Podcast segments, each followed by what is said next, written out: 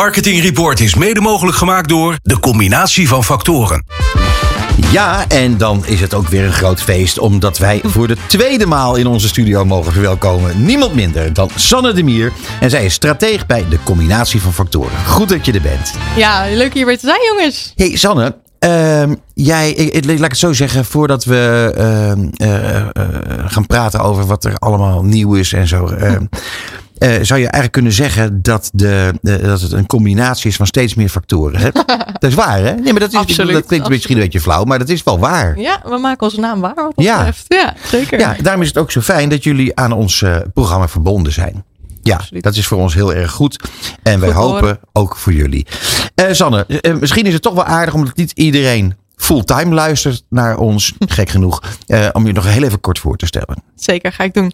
Ik ben dus Sanne Demeer, strateeg. En een kleine tip van de sluiter, sluier. eh, sinds kort ook eh, behavior consultant bij Ja. de combinatie van factoren. Eh, de combinatie van factoren is een activatiebureau dat mensen in beweging brengt met eh, slimme creativiteit eh, op basis van gedragswetenschap. En nou, dat stukje gedragswetenschap, eh, daar hebben we wat nieuws over te vertellen. Want dat eh, gaan we uitbreiden. Of eigenlijk hebben we uitgebreid. Ja, precies. Nou, en dat is ontzettend leuk. Eh, complexe gedragvraagstukken. Yes. Dat zijn er nogal wat tegenwoordig. Nou, dat lijkt me wel, ja. Ehm, is, is het, voordat je gaat uitleggen wat dat precies behelst, is het iets waar jullie klanten naar op zoek zijn? Nee, we lanceren graag dingen waar niemand naar op zoek is. Nee, eh. maar ik bedoel- ik, ik dacht, ik vond het ook al. Nee, dat, dat- nou, dit, dit doet mij namelijk denken aan, aan een eh, vraag die Bas stelde in het vorige gesprek. Oh. Want namelijk, het is natuurlijk zo dat je dingen kunt bedenken die tamelijk nieuw zijn. eh, en waarvan je weet dat klanten daar naar op zoek zullen gaan. Hmm, zo. Maar is dit iets wat al een vraag was vanuit klanten? Ja, eigenlijk wel. Ja? Nou, het is een beetje een combinatie van beide. Eh, aan de ene kant zien we überhaupt bij marketeers, zowel bij onze klanten als andere marketeers die we spreken, dat er steeds meer behoefte is aan gedragkennis. Mhm. Ook logisch natuurlijk. we- Je stipt het net al even aan in de tijd waarin we leven. Hè. Het is Ja. nogal een eh, wereld van transitie, zeg maar. En überhaupt is natuurlijk eh, gedrag best wel cruciaal in ons vak. Als, Tuurlijk. eh, in marketing. Ja. Ehm, maar daarnaast, eh, ja, we verwachten ook wel dat het nog verder zal groeien. Hè. Ik heb vorig jaar hier met jullie gepraat over de, de transitie naar een be- Beyond Growth. Zowel Ja. van ons als bureau als de hele wereld. Nou, dat staan we nog steeds achter, uiteraard. Dus eh, ja, dat speelt daar ook een rol in. En daarnaast zien we ehm, eigenlijk een combinatie van eh, de vaste relaties van bureaus met organisaties. Dat dat toch ook wel wat fractie oplevert. Eh, wat tractie oplevert. In de zin dat ehm, gedragskennis dus steeds meer gevraagd wordt. Steeds meer vraag naar is. Mhm. Maar niet elk bureau heeft het even sterk. Eh, kijk, iedere marketeer weet natuurlijk. En iedereen, iedereen bij bureaus weet wel iets over gedragstechnieken. Hè? Tenminste, daar eh, denk ik dat we vanuit mogen gaan. Maar de aanpak, dat mist vaak. hè. De concrete aanpak van hoe kom je nou van zo'n heel complex probleem naar een, een antwoord, naar een oplossing. Mhm. Wat echt goed toepasbaar is in de praktijk. Hè? Wat ook toepasbaar is met creativiteit.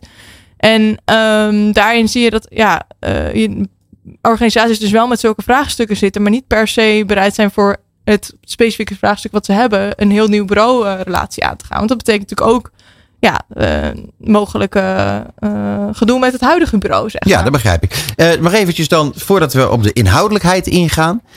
Hoe komt het dat jij degene bent die eh, de, de, de behavior consultant bent? Dat ga ik je uitleggen. Ik wil even één ding afmaken. Oké, ga, je- ga je gang. Want die twee gang. hebben we dus samengebracht. Dus aan de ene kant zien we dat eh, ja, eh, merken hebben vaak, of organisaties hebben vaak long-term relaties met bureaus, uiteraard. Zeker. Nou, dat weten wij natuurlijk vanuit onze eigen relaties ook.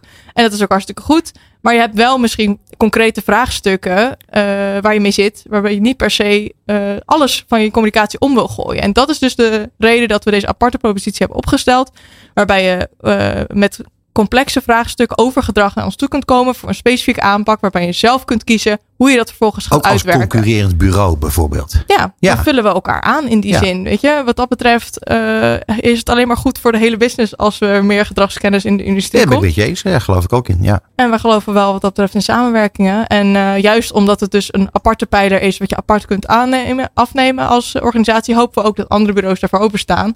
En het niet als bedreiging, maar juist als kans zien om samen te werken. ja.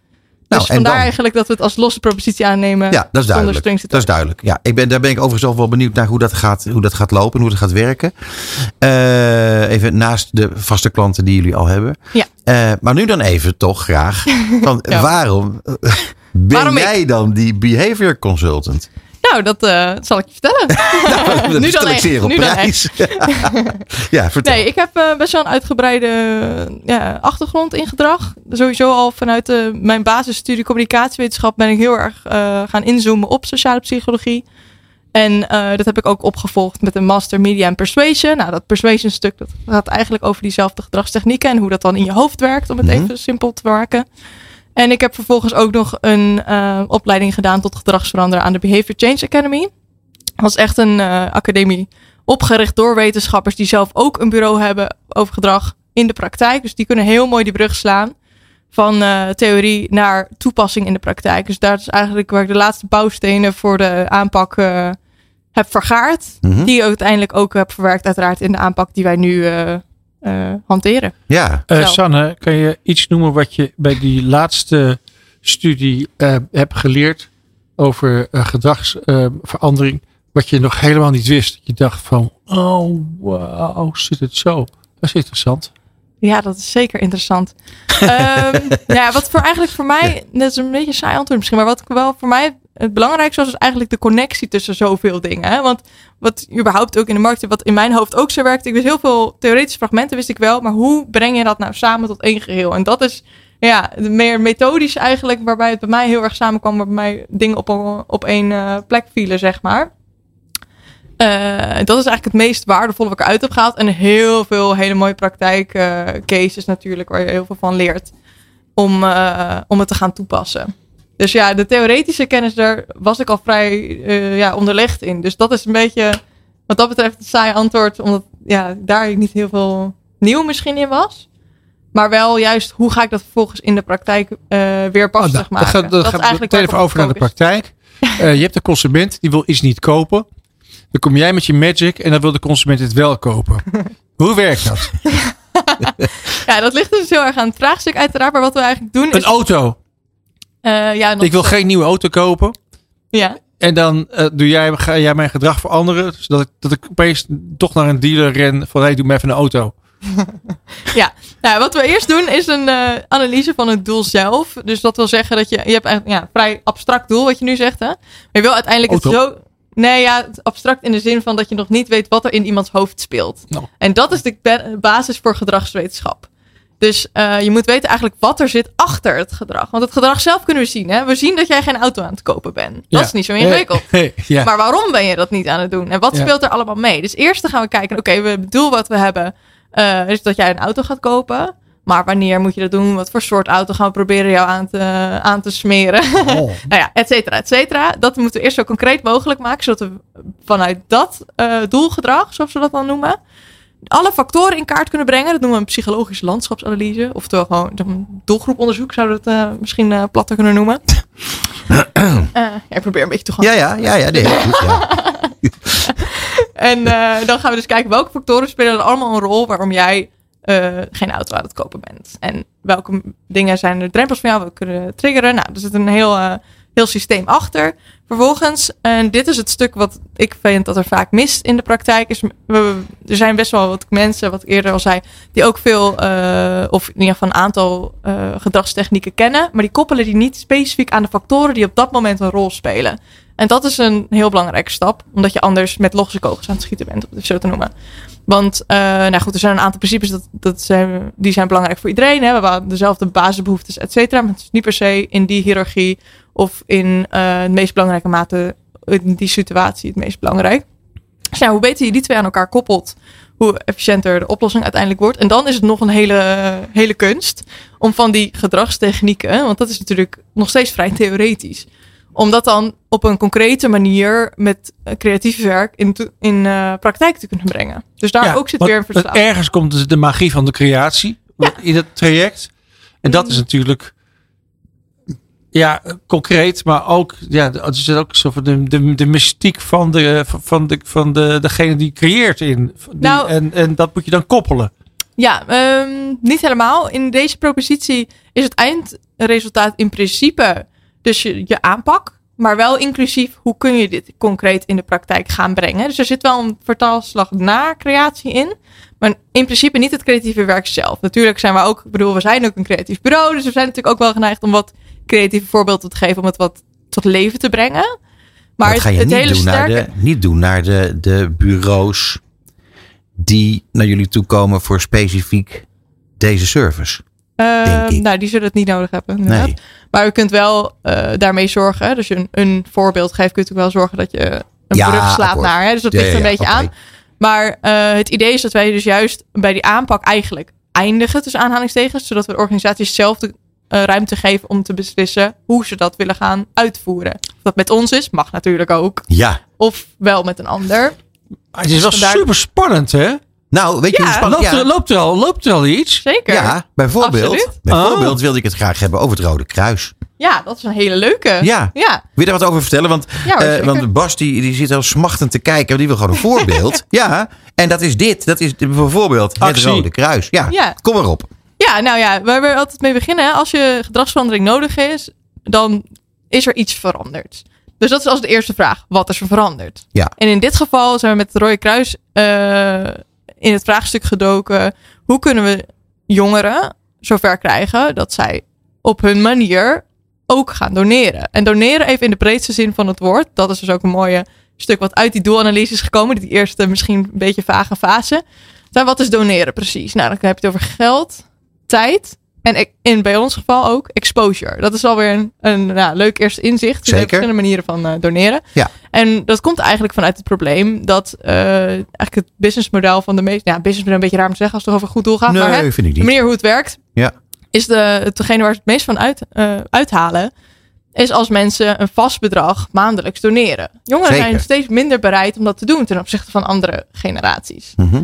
Ehm, nou ja, past ook misschien in de tijdsgeest. Hè? Dat is altijd een discussie. Heb je het over generatie, denk ik, heb je het over de tijdsgeest. Maar eh, we zijn in ieder geval eh, het boegbeeld van de tijdsgeest natuurlijk.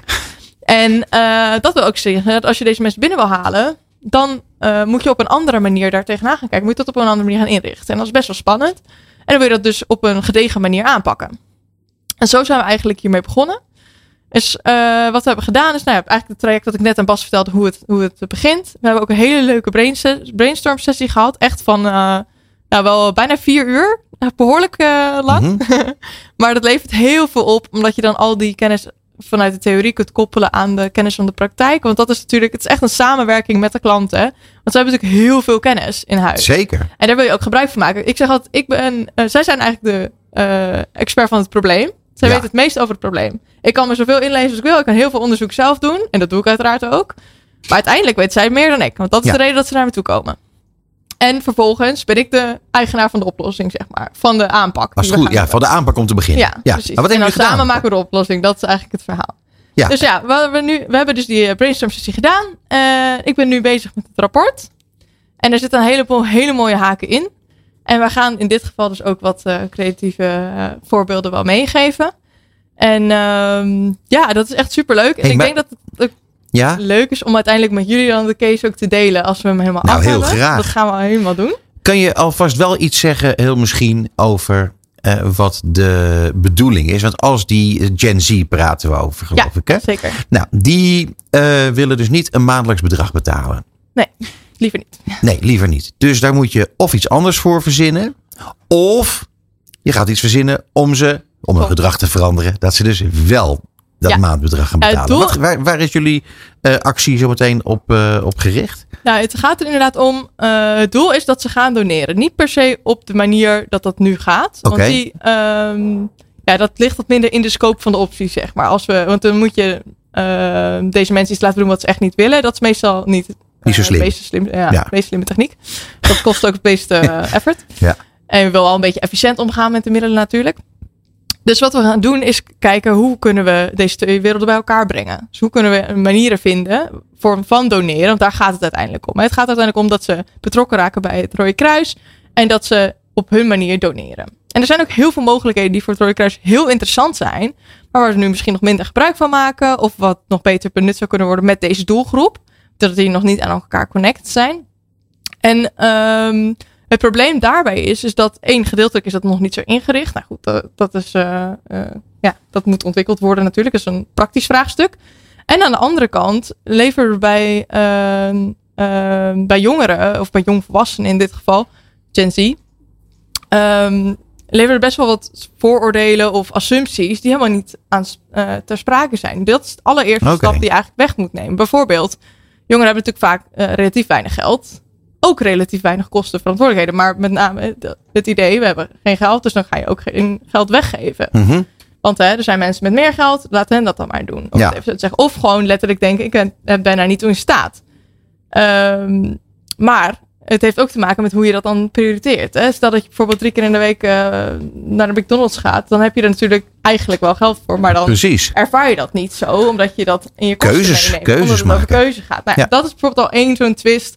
Wat je, eh, nou ja, waar je mensen bewust van zou kunnen maken om die, eh, eh, om die drempel weg te nemen. Dat is even een heel concreet voorbeeldje. Maar uiteindelijk is het doel dat zij op hun manier gaan doneren met of met geld of met tijd. Of, en deze hebben we speciaal toegevoegd met exposure. Want dat is natuurlijk iets waar Gen Z als een malle expert in is. Ja. En daar, Ja. waar het Rode Nou- Kruis ook heel veel aan zou kunnen hebben. Sanne, je hebt net beloofd dat je met ons gaat delen Absoluut. hoe dit er allemaal uitgezien. Wanneer kunnen we het verwachten? Eh, dat, ik wil het graag eerst aan de klant presenteren. En Dat Ja, wordt nu ja. ingepland wanneer dat precies is. Dus daarna kom ik bij je terug. Want eh, er zijn klanten met hele drukke agenda's, zoals we dat gewend zijn eh, van marketeers. Dus dat kan ik nog niet precies vertellen, maar, maar- het komt eraan. Oké, dames en heren, eh, blijf dan in elk geval eh Marketing Report volgen, want daar valt dit straks allemaal te lezen en te zien.